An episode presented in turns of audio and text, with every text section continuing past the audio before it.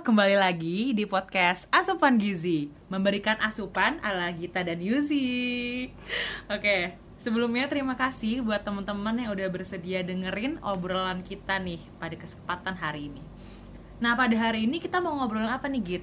Rencananya apa ya apa ya Yus kayak kita mau ngobrolin suatu hal yang cukup menarik juga ya Yus fenomena yang Benar. sering kita temui di keseharian Yes, gue setuju banget. Kayak ini tuh jadi salah satu permasalahan yang biasanya kita hadapin sehari-hari. Ya, apalagi kalau bukan masalah dengan keluarga ya. mungkin lebih ke masalah dengan hubungan dengan Hmm. orang lain kali ya karena nggak cuma keluarga tapi bisa juga sama uh, teman atau sama pacar atau sama saudara jadi mungkin ini suatu konsep yang cukup luas dan sering banget kita Ah. temui sehari-hari apa tuh Yus kalau boleh disebutin Bener-bener. Setuju gue.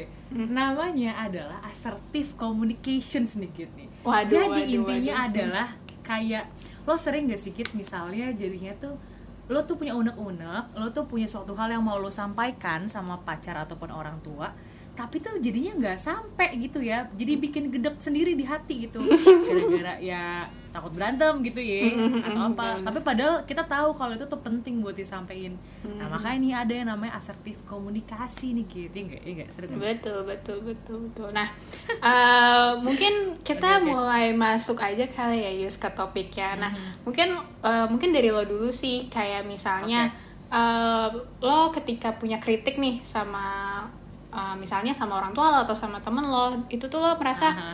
em, kesusahan gak sih dan dan bagaimana tuh eh, kesusahan yang lo eh, hadapi ketika lo mau menyampaikan kritik atau feedback lo kepada eh, significant others lo itu Ah, oke, menarik nih. Menurut gue kesusahan sih ye. karena gimana ya gitu menurut gue nggak semua orang uh, siap gitu ya menerima kritik dan saran gitu. Benar, benar. Hmm. bahkan bahkan sampai orang tua kita pun yang mungkin udah dewasa hampir udah tua gitu kan maksudnya tetap aja pasti susah dalam menerima kritik dan saran. Bener Uh, gue tetap akan merasa itu susah sih untuk ngasih kritik apalagi sama temen ya. Kadang Hmm. kita tuh jadinya gak disampaikan karena daripada hubungannya jadi uh, apa ya gue bahasakan tuh jadi gak enak. iya jadi awkward kali ya? Ah iya awkward banget kan. Jadi lebih baik kayak udahlah gue tahan aja lah gitu misalnya. Iya. kalau lu gimana gitu Iya sa- sama sih. Gue juga merasa cukup uh, kadang lebih ke nggak enak. Kayak ah kayaknya gue nggak enak deh nyampein ini.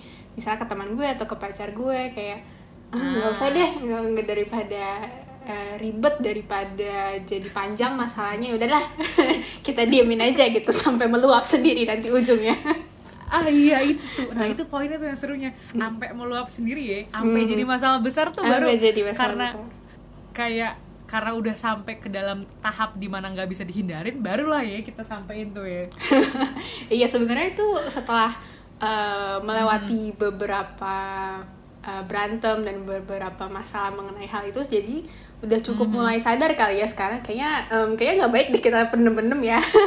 Mungkin lebih nah, baik iya, kita iya, iya. sampein secara langsung aja gitu hmm bener banget sih. Gue setuju tuh.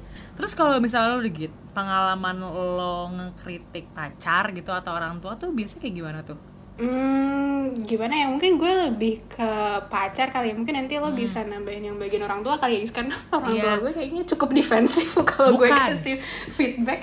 ah gue tahu bukan karena itu git alasan lo Apa? adalah karena gue jomblo gitu makanya gue gak punya perbandingan pacar Enggak lah, kan lo sangat akrab tuh sama orang tua lo. Jadi kayaknya Waduh, lo waduh. lebih oke lah kalau nyampein feedback ke orang tua. Nah mungkin Ah, kalau oke, gue oke. lebih ke pacar kali ya. Jadi siap siap. Kalau gimana tuh? eh, dulu gue tuh sama eh, pacar gue itu sama-sama eh, mungkin agak ke dia sih. Dia tuh lebih suka mendem orangnya. Dia tuh sampai ah, em, oke. Iya jadi ku- kurang komunikasi gitu. Sedangkan gue orangnya gue harus uh, menyelesaikan ini saat ini juga gitu. gue terlalu ambis gitu. iya iya iya. Pokoknya gue lu ini ya orang yang punya apa sih namanya mm, peraturan kalau misalnya masalah tuh harus selesai sebelum tidur gitu ya. Kan ada tuh beberapa orang kayak gitu.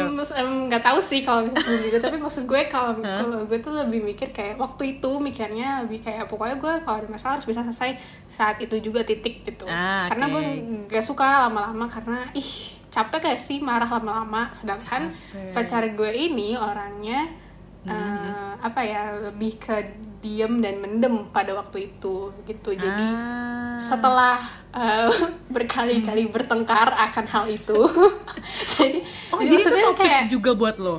Itu satu isu Itu, yang besar juga buat hubungan lo. Iya itu menurut di hubungan gue itu salah satu hal yang cukup signifikan sih karena Oke. Uh, um, guenya terlalu um, ambis mungkin ya terlalu ambis dan dianya terlalu um, mau gitu nggak mau meluapkan emosinya dan ya udah dia lebih mending diem aja gitu sedangkan gue nggak bisa tuh dikituin didiemin bla bla gue nggak bisa gitu nah Oke. setelah berpuluh-puluh nggak berpuluh-puluh sih tapi maksudnya setelah banyak bertengkar dan banyak masalah Heeh. eh ya udah sam- sama-sama ngobrol sih mungkin waktu itu sama-sama ngobrol ketika memang mungkin waktu itu kita ngobrol ini ketika lagi gak ada masalah gitu loh ngerti gak sih? Jadi lagi sama-sama adem jadi lagi nggak sama-sama emosian gitu. Ah. kita ngobrolnya tuh di situ. Eh, itu sih menurut gue jadi dengan banyaknya masalah dan banyaknya berantem itu justru em, introspeksi diri sih masing-masing menurut gue ya karena em, sekarang gitu sekarang perbedaannya sangat eh, signifikan sih sangat jauh banget bedanya dari dari hubungan gue yang em, dulu gitu dengan sekarang. Kalau sekarang eh, u- jujur udah jarang banget berantem. Gitu kayak Serius? sebuah achieve achievement banget bagi gue. Iya iya itu achievement buat seluruh pasangan sih. iya maksudnya gak terlalu sesering. Dulu tuh kayak gue setiap minggu bisa berantem dah Sumpah. kan iya kayak hal-hal kecil aja gitu kita jadiin pertengkaran Oke. waktu itu Heeh. tapi Berarti sekarang gue dewasa ya. hmm, menurut gue sangat terlihat perbedaannya sih dan uh, waktu itu gue mungkin lebih ngasih feedbacknya adalah uh, gue bilang uh, uh, gue tuh merasanya lo tuh kurang uh, menyampaikan Hmm? Uh, pemikiran lo, punya kurang menyampaikan perasaan lo gitu. Sedangkan gue nggak tahu harus apa yang harus gue lakukan gitu ketika lo Mhm. sedang seperti itu gitu. Nah kalau dia dia nggak suka dia risih gue tanya-tanyain mulu gitu. dia bilang Ya sama gue kayak oke. Iya, dia tuh kayak uh, ya pokoknya dia dibilang kayak dia tuh risih sebenarnya karena gue terlalu ambis gitu kayak nanya-nanya kayak kenapa sih kamu kenapa sih? Kayak pokoknya harus selesai sekali gitu. Mungkin dia iya sih setelah gue pikir-pikir kayaknya iya juga sih. Gue nyebelin juga ternyata nanya-nanyain. Mungkin iya mungkin gue belajar dari situ. Itu sih te- kayak ternyata orang tuh juga butuh em, space ya ketika Bener. bertengkar. Iya kan? Bener kan? Butuh apa ya waktu cooling down gitu gak sih sebenarnya? Iya benar, uh-uh, Hmm, jangan. setuju, setuju. maksud gue ket- ketika ma- sama-sama masih berapi-api itu kayak susah banget uh, menyelesaikannya gitu. Iya benar susah Ah, banget dipadamkan gitu. Karena masih sama-sama berantem, eh masih sama-sama emosi gitu jadi kayaknya susah untuk em, padam gitu. Jadi saat Ah, gue juga belajar dari situ kayak kayaknya gue juga jangan terlalu em, nge-push deh. Kayaknya dia juga eh, maksudnya dia eh, pasti juga eh, lama-lama belajar gitu untuk menyampaikan perasaannya gitu dan kayaknya gue terlalu nge-push juga nih nge-push pacar gue untuk ngomong gitu Iya. sedang iya itu kayak itu FBI jangan-jangan deh. Iya, terus gue belajar belajar sih dari situ kayak oh ya mungkin dia juga butuh waktu dan dia juga belajar oh ya mungkin gue juga harus eh, lebih bisa gitu menyampaikan eh, perasaan gue dan apa sih yang mengganggu gue gitu. Jadi eh, iya sih menurut gue trial and error tuh eh, perlu banget dalam sebuah hubungan karena iya berantem pasti ada gitu. Tapi bagaimana lo eh, tidak mengulangi dan bagaimana lo grow dari berantem itu itu yang penting sih menurut gue Anjay, gimana? anjay Udah, udah, so udah, iya udah, banget gue so Oke, iya banget oke. gue padahal kayak biasa aja sih sebenarnya Eh nggak apa-apa, emang gitu kan Iya. hubungan mah. Betul Hmm, betul. kalau betul. kalau gue gitu sih Yus kalau Hmm. dari pengalaman gue ya dengan pacar kalau lo gimana kalau lo kan tadi mungkin bisa lebih ke orang tua lo ya karena kan Oke. kalau yang Aha. gue yang gue alami ya karena kayak orang tua tuh kayaknya agak susah gitu untuk dikasih feedback. Takutnya dibilang ah kamu so tahu atau kayak ah anak durhaka lo gitu. Kayak sosok ngasih gue feedback. Ya gitu gak sih? Kayak Setuju, karena setuju. mungkin eh, mungkin orang juga pikir kayak kayaknya gue nggak enak deh ngasih feedback ke, ke orang tua gue karena kan dia yang menghidupi gue kayak siapa gue nilai-nilai orang tua gue gitu gak sih? Umurnya mungkin juga lo ada gitu ya. lo ada pengalaman gak Yus ketika lo memberikan feedback atau kritik ke orang tua lo tuh gimana Ah, oke oke oke.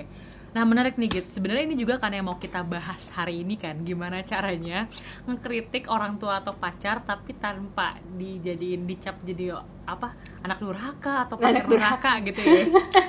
Iya, iya, iya. bener bener bener bener Nah kalau pengalaman gue ya, em, gue tuh gini sih, gue tuh orang yang kalau lagi ada masa emosi, maksudnya berarti dalam tanda kutip adalah orang kita berdua, gue sama orang tua gue tuh yang sama-sama lagi tinggi dan berantem, itu tuh gue merasa gue nggak akan ngekritik apa pun gitu, maksudnya karena gue karena gue tahu orang tua gue nggak akan nyampe apa yang gue omongin dan gue pun iya lanjut kalau lagi emosi kita nggak akan nyampe apa pun yang diomongin gak sih sama orang Hmm, iya paham paham paham Mm. iya. dan gue pun juga nggak akan sampai pesan apa pun pesan sebaik dan seindah apa pun dari orang tua gue kalau lagi saat panas-panasnya banget gitu. Hmm, karena gue iya. ngerasa kayaknya sih- semuanya salah gitu ya. Iya benar-benar jadi ya nggak nggak akan gue denger gitu. Kayak naluri gue tuh eh kok naluri sih? Em, hati nurani gue tuh kayak tertutup lah kalau misalnya lagi berantem yang gitu. Dan gue tuh gitu kalau misalnya lagi ada berantem gitu ya sama orang tua gue tuh gue gue lebih banyak lebih ke diemnya sih maksudnya. Karena gue tahu ya apa apa yang dilakukan gue apa apa yang gue bicarain sama apa yang orang tua gue bicarain pasti sama-sama punya intensi yang mana bukan lagi mau ngekritik bukan lagi mau kritik membangun gitu. Tapi sama-sama lagi mau siapa yang menang dan siapa yang kalah gitu. Nyari nyari pemenang dan kalah gitu maksudnya. Iya, jadi iya, iya. gak ada gunanya gue untuk ngasih tahu feedback gitu sama orang tua gue saat kalau gue lagi beneran lagi lagi panas-panasnya gitu kalau sama mereka. Nah, em, paling sih ya gue sih ini ini pengalaman gue dong ya ini nggak nggak tahu ini bakal sama antara gue sama orang tua apa sama anak yang lainnya gitu ya. Kalau gue kalau misalnya lagi mau kritik orang tua tuh pasti banget yang pertama lagi nggak ada di masa berantem yang panas gitu nggak akan gue kritik gitu karena itu cuman nambah masalah iya, doang iya. gitu iya Yang kedua- bener-bener. Kedua ini tips gue sih kalau ada hal yang mau gue sampein gitu ya sama mereka yang mau gue kritik. Gue biasanya ngekritik mereka tuh kalau mereka nih abis makan abis mandi gitu ya. Terus atau misalnya mereka tuh lagi kayak sumringah seneng gitu. Lo pasti tahu kan orang tua lo tuh kapan lagi sumringah seneng atau yang lagi chill biasa aja gitu ya pokoknya. Atau abis kalau kalau nyokap sih terutama nyokap abis ngobrol sama temen-temennya atau sama siapa pun lah gitu. Karena gue ngerasa gini sih Git, kenapa gue kayak gitu. Karena pertama kalau abis makan sama mandi berarti needs dia terhadap kebutuhan makan ataupun kebutuhan bersih bersih itu udah terpenuhi kan. Jadi um, Hmm, mereka udah. Apa pikiran mereka tuh udah nggak mikirin lagi tentang needsnya mereka gitu. Terus yang kedua kalau misalnya abis ngobrol sama koleganya lo tau gak sih gue pernah baca juga kalau cewek tuh kayak ada ini loh git em, kata per hari tuh harus diucapin tuh berapa kali gitu inget gak sih? Lo tau gak sih? Nah yang gimana tuh? jadi katanya sih cewek cewek itu Hmm. setiap harinya butuh mengeluarkan berapa ratus kata atau berapa ribu kata. Gue nggak tahu berapa gue nggak tahu oke. exactnya berapa nah gue merasa kalau misalnya gue nggak tahu teori itu benar apa tidak ya tapi gue merasa di gue di kehidupan gue tuh it works gitu karena setiap kali Hmm. nyokap gue abis ngobrol sama koleganya lebih terbuka aja gitu pikirannya untuk dikasih masukan gitu kalau misalnya gue Ah, oke itu. Mhm. Terus apa lagi ya? Em, kalau gue sih juga yang pasti lihat mood sih, lihat situasi. Kalau lagi nggak ada situasi yang lebih penting, lagi chill banget, kayak lagi nggak ada masalah apa pun, gue bakal diajak diskusi gitu. Em, dan gue gitu sebenarnya kalau misalnya lagi ngasih diskusi, apa ngasih kritik, gue nggak pernah gini, gue nggak pernah kayak eh, harusnya tuh mama gini loh, nggak gitu kalau gue. Kalau gue biasanya tuh gue bilang kayak kalau menurut Yusi sih gini ya gitu. Jadi gue gue ibaratkan sama gue Uh, jadi terserah lo mau intinya tuh pesannya adalah terserah lo lo menerima apa enggak ya tapi ini pandangan gue loh gitu maksudnya. Setidaknya dia sempat denger lah apa yang apa pesan gue gitu entah mau dikasih mau diambil apa enggak ya itu urusan nanti lah gitu misalnya. Terus Benar, git benar, gue benar. tuh biasanya kalau ngkritik orang tua itu tuh gimana ya Eh, gue iba gue gue mengandaikan gitu loh. Kadang-kadang kan emang kritikan itu kan agak eh, tricky gitu kan nggak bisa kita sampein langsung sama mereka. Nah gue tuh biasanya menyampaikan pesannya pakai pengandaian. Ah Heeh. Kayak gimana tuh gimana tuh? nih, nah misalnya kayak gini nih em, gue mau ngasih tahu nih ke orang tua gue kalau misalnya sa- kalau misalnya gue tuh kalau lagi berantem gue nggak akan masuk apa pun yang di apa pun yang dia kasih tahu.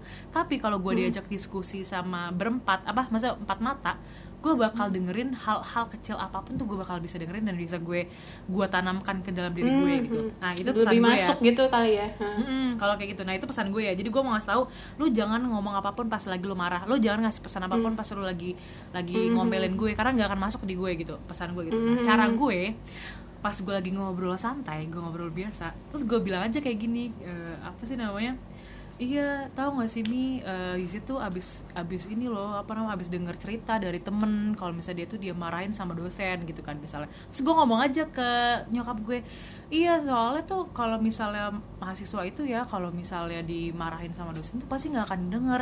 Tapi kalau misalnya diajak diskusi, diajak diskusi berempat terus dikasih tahu apa pun, pasti didengar sama mahasiswa itu. Jadi mahasiswa tuh lebih seneng ngedengerinnya kalau lagi enak gitu. Nah jadi gue tuh pakai orang ketiga gitu gitu cara untuk menyampaikan pesan gue. Ah, lo, lo lo mengambil pengalaman lo atau lo bikin cerita tapi sebenarnya lo ingin nyampein ke orang tua lo gitu ya yang pesan intinya tuh apa yang supaya nyampe ke orang tua lo gitu Iya benar. Jadi gue pakai cerita orang lain, tapi ceritanya tuh Hmm. sebenarnya gue gitu. Nah itu juga bisa dipakai.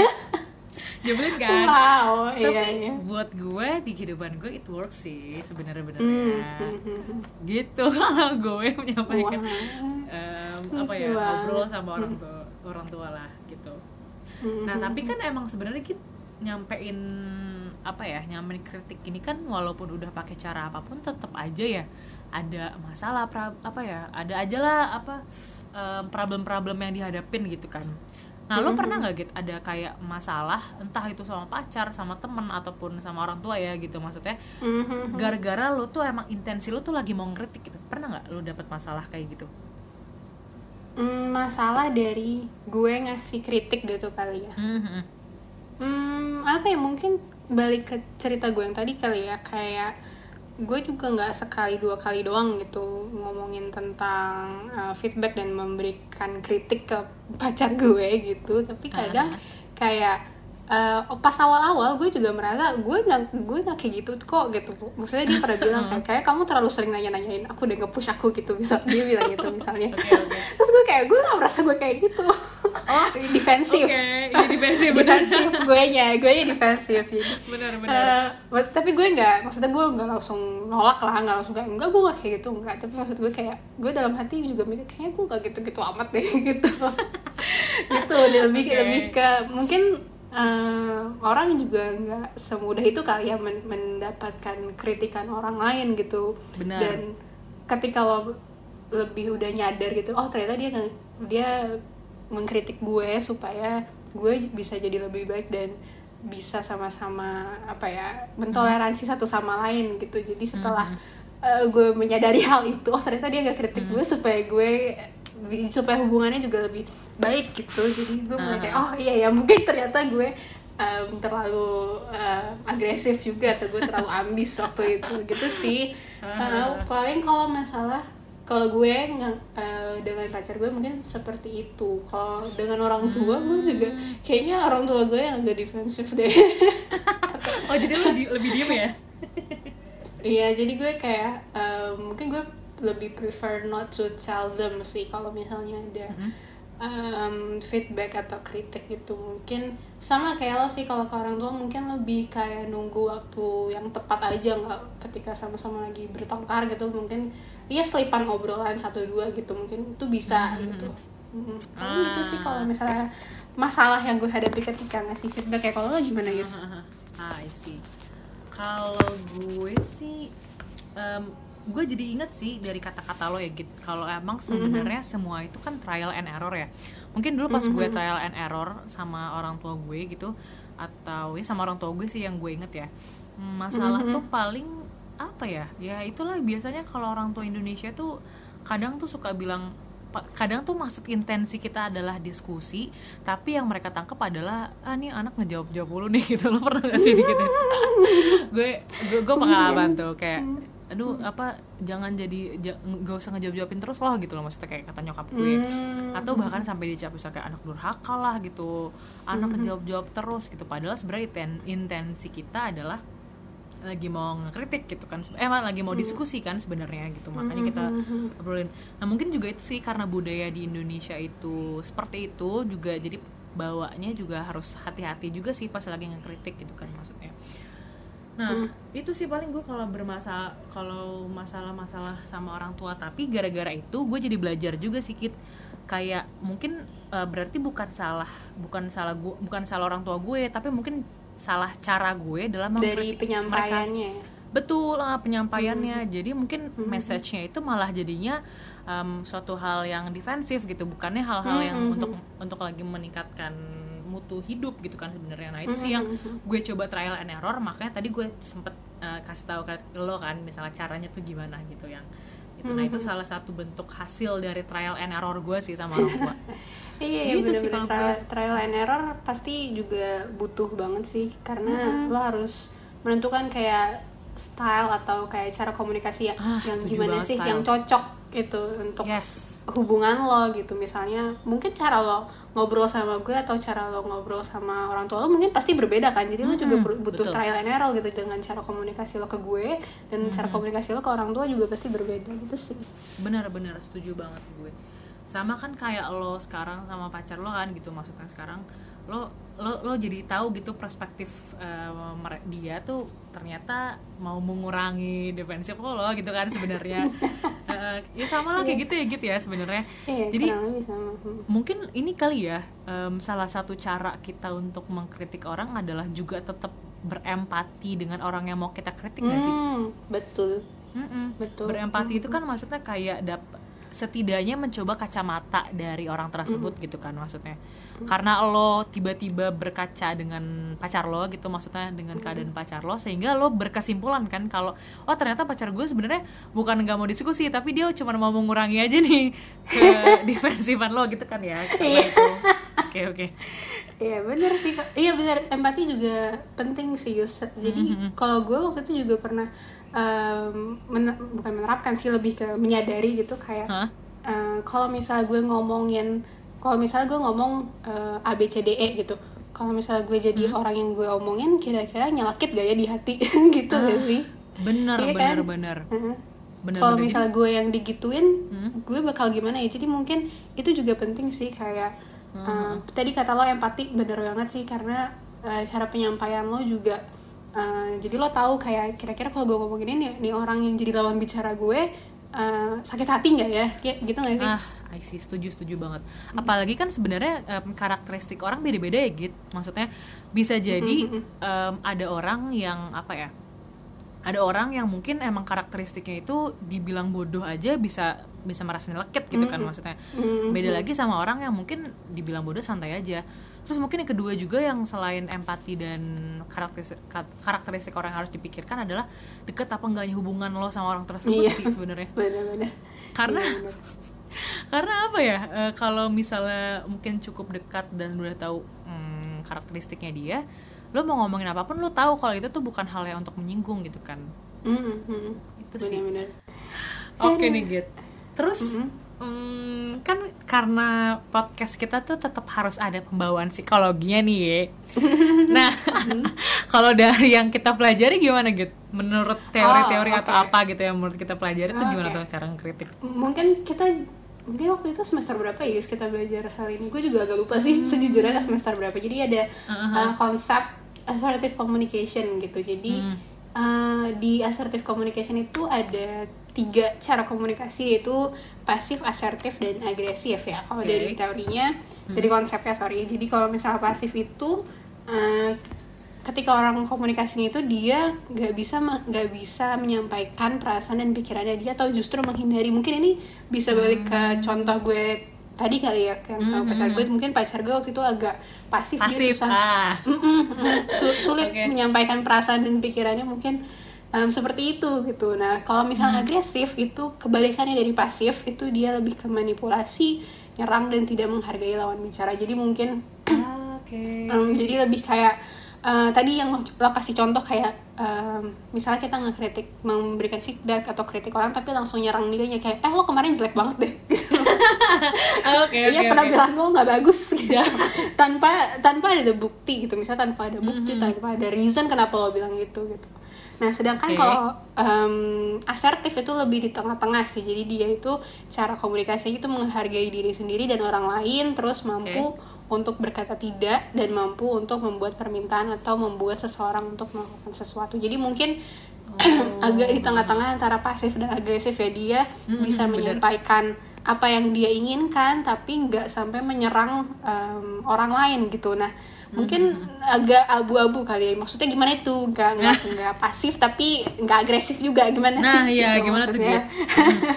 nah mungkin kalau yang pertama mungkin ini juga balik dari pengalaman kita berdua ya jadi Ah, bisa betul. pakai um, i statement atau i message gitu. Bukan i message di iPhone ya. Para pendengar para pemirsa. Jadi Halo. namanya i Mm, iya uh, i statement gitu. Jadi mungkin kalau balik ke contoh uh, pengalaman gue gitu gue selama setelah gue uh, mempelajari hal ini gue juga mikir kayak oh iya bener juga ya kalau misalnya gue uh, nggak pakai i statement atau i message ini kayaknya gue jadinya nyerang gitu. Nah kalau jadi maksudnya tuh gimana sih? Jadi kita tuh uh, memulai feedback atau memulai percakapan tuh dengan um, diri dengan apa ya dengan diri kita dengan um, Subjek kita gitu ya, pakai iya, subjek kita benar-benar sudut pandang, aha. dengan hmm, dengan menyatakan pikiran dan perasaan uh, kita gitu jadi misalnya Hmm, uh, waktu itu gue bilang uh, kalau waktu dengan pacar gue ini gue lebih sering bilang kayak menurut aku atau kayak yang aku lihat adalah terus atau kayak yang aku rasain adalah gitu jadi Ah, bukan oke. kayak uh, kayak lu nggak pernah mau ngasih feedback ke gue gitu. Atau misalnya lu nggak pernah mau nge- ngeluarin apa yang lo pikirin gitu. Jadi lebih kayak yang aku rasain adalah kamu tuh em, kurang berkomunikasi sama aku. Jadi sehingga aku juga nggak tahu em, harus bagaimana gitu. Jadi lebih kayak gue gitu ngomong sama pacar? Enggak sih maksudnya tapi intinya gitu kayak Oke, oke. yang gue awali dengan adalah kayak yang gue rasain yang kayak ya gitu yang gue rasain adalah lo kurang um, berkomunikasi lo kurang menyampaikan pendapat lo selama ini sehingga jadinya gue um, kurang Hmm. tahu nih harus apa ketika lo merasa seperti itu gitu. Jadi mungkin Hmm, diawali oke. dengan I statement itu sih. Lebih personal gak sih gitu ya jatuhnya? Mm-mm. rasanya. Bener-bener. kayak yang satu lo tuh lagi ngatain orang kalau satu lagi lo tuh lagi ngungkapin perasaan gitu kan ya jatuhnya? Mm-mm. kalau yang pakai I statement gitu. Ah setuju gue oke. Hmm, dan kayak uh, apa ya lo nggak menyerang dan uh, it's based on your perspective gitu sih Yus. jadi Hmm. orang juga nggak bisa bilang "Eh, enggak gue nggak kayak gitu. Tapi kan intinya itu yang gue rasain dan gue yang gue rasain tuh dan gue lihat tuh seperti itu. Jadi kayaknya uh, lo orang lain juga nggak bisa bilang itu salah karena itu yang gue rasain gitu. Jadi lebih menunjukkan kayak apa sih yang gue rasain apa sih yang gue lihat selama ini gitu Hmm, benar benar benar. Karena pakai sudut pandang kita ya ya udahlah itu yang kita rasain gimana gitu kan ya. Hmm, hmm, hmm. Ah, setuju gue. Oke, oke. Nah, terus selain pakai I statement ini, mungkin kita juga bisa Mhm. eh, ngasih apa ya, jelasin eh, dampak secukupnya gitu. Jadi kalau misalnya kayak misalnya lu bilang aku merasa kecewa, Hmm. eh, terus sama satu lagi aku mama papa sampai anak kita di masa depan kecewa sama kamu itu kayaknya lebay ya ya ampun. Kayaknya- Sampai anak kita Iya. di masa depan ngomong. iya itu What kayaknya the lebay banget sih Iya sih, maksudnya setuju. kayak um, mungkin ketika lo kecewa sama orang lain gitu Mhm. uh, pasti kayaknya lo banyak apa sih hal-hal yang ingin lo sampein banyak kayaknya emosi lo udah meluap-luap banget sampai kayak ih gregetan gitu tapi menurut gue Aha. tetap tet- ya kayak drama queen ya tapi tetap Iya iya iya. tapi tetap perlu apa ya sesuai konteks gitu kalau misalnya tadi aku mama papa sampai anak kita di masa depan kecewa sama kamu itu kayaknya lebay ya jujur lebay Ya banget ampun, bener itu lebay banget sih. Ya Allah, Iya. anak-anak dibawa-bawa kasihan ya masih di dalam mampus Iya. udah dibawa-bawa. makanya makanya cuy menurut gue tetap perlu ada konteks sih misalnya kayak Hmm. Waktu eh, balik lagi ya ke, ke pengalaman gue kayak eh, aku tadi misalnya aku Hmm. ngerasa kamu kurang em, bisa apa menceritakan pemikiran kamu dan lain-lain gitu jadinya Hmm. aku nggak tahu aku harus gimana gitu jadi ya udah Hmm. cukup sampai situ aja gitu nggak usah sampai kayak jadinya aku Ah. eh, kehilangan purpose di dunia ini itu kan lebay Iya iya. Iya, eh tapi secara tidak disadari ya Git, kalau menurut gue sih yang gue lihat ya dari beberapa kasus tuh kita secara tidak langsung tuh suka mendramatisasi bener sih perasaan kita loh gitu maksudnya Bener, bener, kayak bener. apa sih nama hiperbola setidak secara tidak Iya, sadar ya. Iya kan? Iya.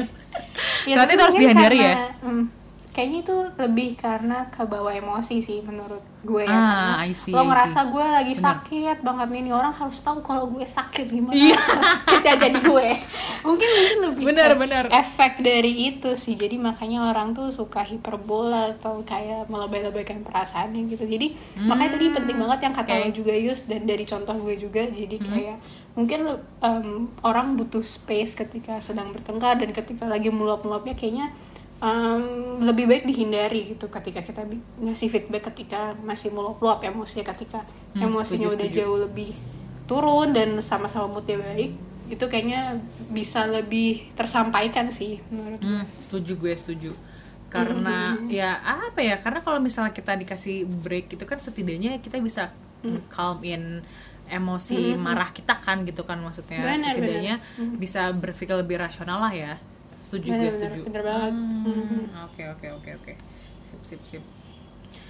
Nah terus git em, yang gue baca juga sih dari apa konstruksi psikologi itu kan asertif komunikasi yang tadi lo jelasin kan kayak gimana caranya tuh kita bisa tetap ngasih tahu ke orang tapi em, sece- bukan secara agresif gitu kan dan juga tidak menjadi orang yang pasif gitu. Nah salah satu caranya tuh ada nama konstruk yaitu konstruktif feedback. Konstruk kenapa konstruktif feedback gitu intinya. Iya, iya. jadi intinya kalau konstruktif feedback itu adalah gimana caranya kita ngasih kritik yang membangun, bukan bukan dengan intensi mau apa ya, mau ngulap ngulapin amarah kita, mau ngulapin rasa kesel kita, tapi benar-benar cuman mau ngebangun tuh orang gitu dari feedback kita gitu. Nah itu kan kadang-kadang ya emang agak tricky untuk kita pilah kan gitu. Maksudnya kalau kita lagi nge-konstruk apa sorry kalau kita lagi nge-feedback orang apalagi orang yang punya ikatan emosi sama kita kadang tuh ada intensi kita tuh mau apa ya mau menyampaikan rasa sakit hati kita loh gitu. Daripada kita tuh mau mau membangun mereka untuk menjadi yang lebih baik. Nah makanya kenapa ada konstruk yang namanya constructive feedback. Itu tuh kayak ngasih tahu cara caranya gimana sih sebenarnya untuk untuk bikin orang-orang tuh jadi lebih uh, meningkat uh, taraf hidupnya dari feedback yang kita kasih Nah, salah satu caranya katanya kalau misalnya lu pada mau nge-feedbackin orang, tapi emang apa ya, tapi emang tujuannya untuk membangun diri orang tersebut adalah kita harus nge-feedback mereka dengan spesifik, akurat sama objektif gitu. Jadi misalnya em, jangan yang tadi lo sempat bilang juga sih, jangan sampai pikiran-pikiran objektif sorry subjektif kita masuk ke dalam si feedback itu sendiri. Contohnya pikiran Hmm, iya em, objektif eh sorry subjektif kita seperti apa sih? Kayak kita ngomong kayak ah lo bodoh banget gitu misalnya. Terus lo harus spesifik ngasih tahu kesalahan mereka tuh di hal apa. Kalau misalnya gue mau ngasih tahu ke orang tua gue gitu ya kesalahan dia tentang em, pandangan vaksin gitu misalnya. Nah, gue bisa bilang hal yang spesifik, tapi jangan sampai gue ngebawa hal-hal yang lain. Bisa gue ngebawa kemarin gue kesel gara-gara duit jajan gue dikurangin. Nah, jangan sampai kebawa ke situ gitu maksudnya.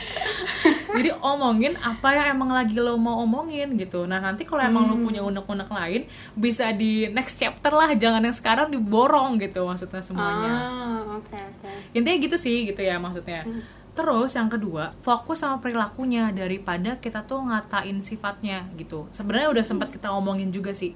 Kalau kalau mau ngekonstruktif feedback misalnya nih lo nggak suka sama pacar lo em, dia tuh orangnya telat bales gitu kan ya misalnya gitu. Nah jangan sampai pas lagi mau nge-feedback lo bilang kayak kamu selingkuh kan? Gitu maksudnya kira misalnya gitu. Atau misalnya kayak kamu tuh gak sayang ya sama aku? Gitu misalnya kayak gitu. Hmm. padahal kan sebenarnya tembakan kita cuman ya kita nggak suka aja dia nggak dia nggak balasnya nggak cepet gitu kan. Nah salah satu caranya adalah ya lo fokus sama perilakunya. Lo bilang kalau misalnya aku kurang berkenan nih. Aku pakai I, I statement juga ya. Aku kurang berkenan nih. Kamu misalnya em, balas aku tuh lama banget gitu misalnya. Jadi langsung dari dari fokus sama perilakunya daripada kita ngatain orangnya gitu. Itu juga jadi gitu, nggak gitu. muter-muter juga ya Yus?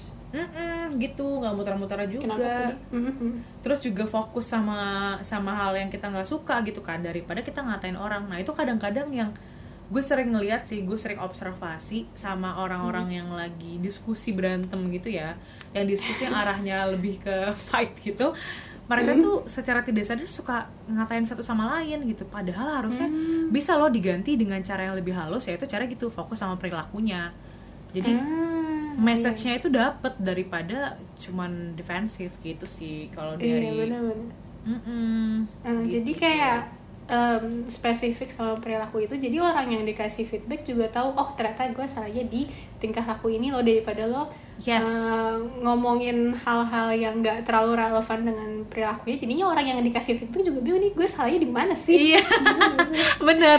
Jatuhnya nih buat otak manusia yang kadang nggak kita pakai ini kita mikirnya, oh udah, Hmm. gue bukan lagi di feedback, gue lagi dimarahin ya nggak sih biasanya kayak gitu. Iya bener Ini kayak gini gak sih Yus Kayak misalnya Hmm. Apa-apa? ada orang pacaran Terus ditanya Kamu kenapa?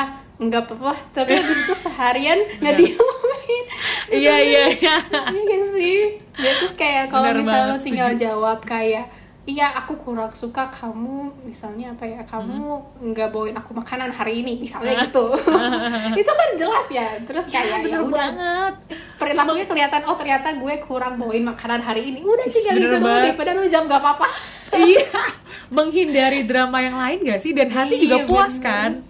Bener Setuju banget gue, setuju banget. Nah ini makanya ini sebenarnya ini sebenarnya tuh bisa dipakai dalam lini kehidupan mana pun gak sih gitu sebenarnya ya? bener bener. Sama mau sama pacar sama temen atau sama Ya, orang tua itu juga bisa banget sih menurut gue. Kayak misalnya kalau misal sama temen tuh ya kayak eh apa ya kalau sama temen mungkin mirip juga kayak ditanya kenapa lu kenapa gitu hari ini kok diem diem aja? Gitu kayak misalnya iya nggak apa apa gue lagi nggak pengen ngobrol aja gitu misalnya atau kayak lagi nggak nggak nggak nggak kenapa-napa gitu. Padahal sebenarnya gue kesel nih sama nih orang karena misalnya dia mencuri mencuri pensil Mencuri. gue kemarin. Sering ah gue. Misalnya. Misalnya, iya iya bener-bener. misalnya. Jadi kan kalau misalnya tinggal bilang iya kemarin abisan gue melihat lo mencuri pensil gue gitu. Itu kan kayak oh tinggal kelihatan tuh. Ternyata gue apa temen Ternyata lo salahnya di situ. Iya, Ah, iya, iya, iya. betul betul mungkin bisa ditambahin kayak misalnya em, gue kurang suka dengan cara lo ngambil mungkin lo bisa bilang lo gitu kan itu juga bisa ya Iya. kayak gitu oh, iya Nambahin. benar. Benar benar setuju setuju setuju. Atau gini git nah, juga ada nih caranya untuk nge-feedback secara aduh secara enak gitu ya. Ada namanya tuh kayak pendekatan sandwich. Lo tau kan kalau sandwich itu tuh kayak bertumpuk-tumpuk kayak burger tau kan ada roti, terus habis itu Roti. ada patty ada apa namanya ada sayuran itu, Oh, habis itu baru iya. ada roti lagi gitu kan. Nah sama nih. Mhm. pendekatan si sandwich itu itu adalah gimana caranya pas kita lagi ngefeedbackin kita tuh dimulai dengan ngasih apa ya ngasih kalimat positif dulu tentang dia gitu. Terus nanti di belakangnya bisa langsung lo lo kasih lagi pujian lagi gitu. Jadi di wrap wrap upnya lebih enak. Jadi yang pertama itu dikasih pujian terus yang tengah-tengah itu dikasih apa namanya feedback nanti baru di akhirnya tuh dikasih pujian lagi gitu Mhm. contohnya misalnya mungkin lo mau ngomong tentang pacar lo yang telat gitu ya misalnya suka telat Iya. nih kalau jemput gitu ya mungkin kalau pakai apa namanya pendekatan si sandwich itu di awal tuh lo bisa ngomong kayak misalnya aku menghargai kamu karena udah mau jemput aku daripada aku pakai gojek gitu misalnya.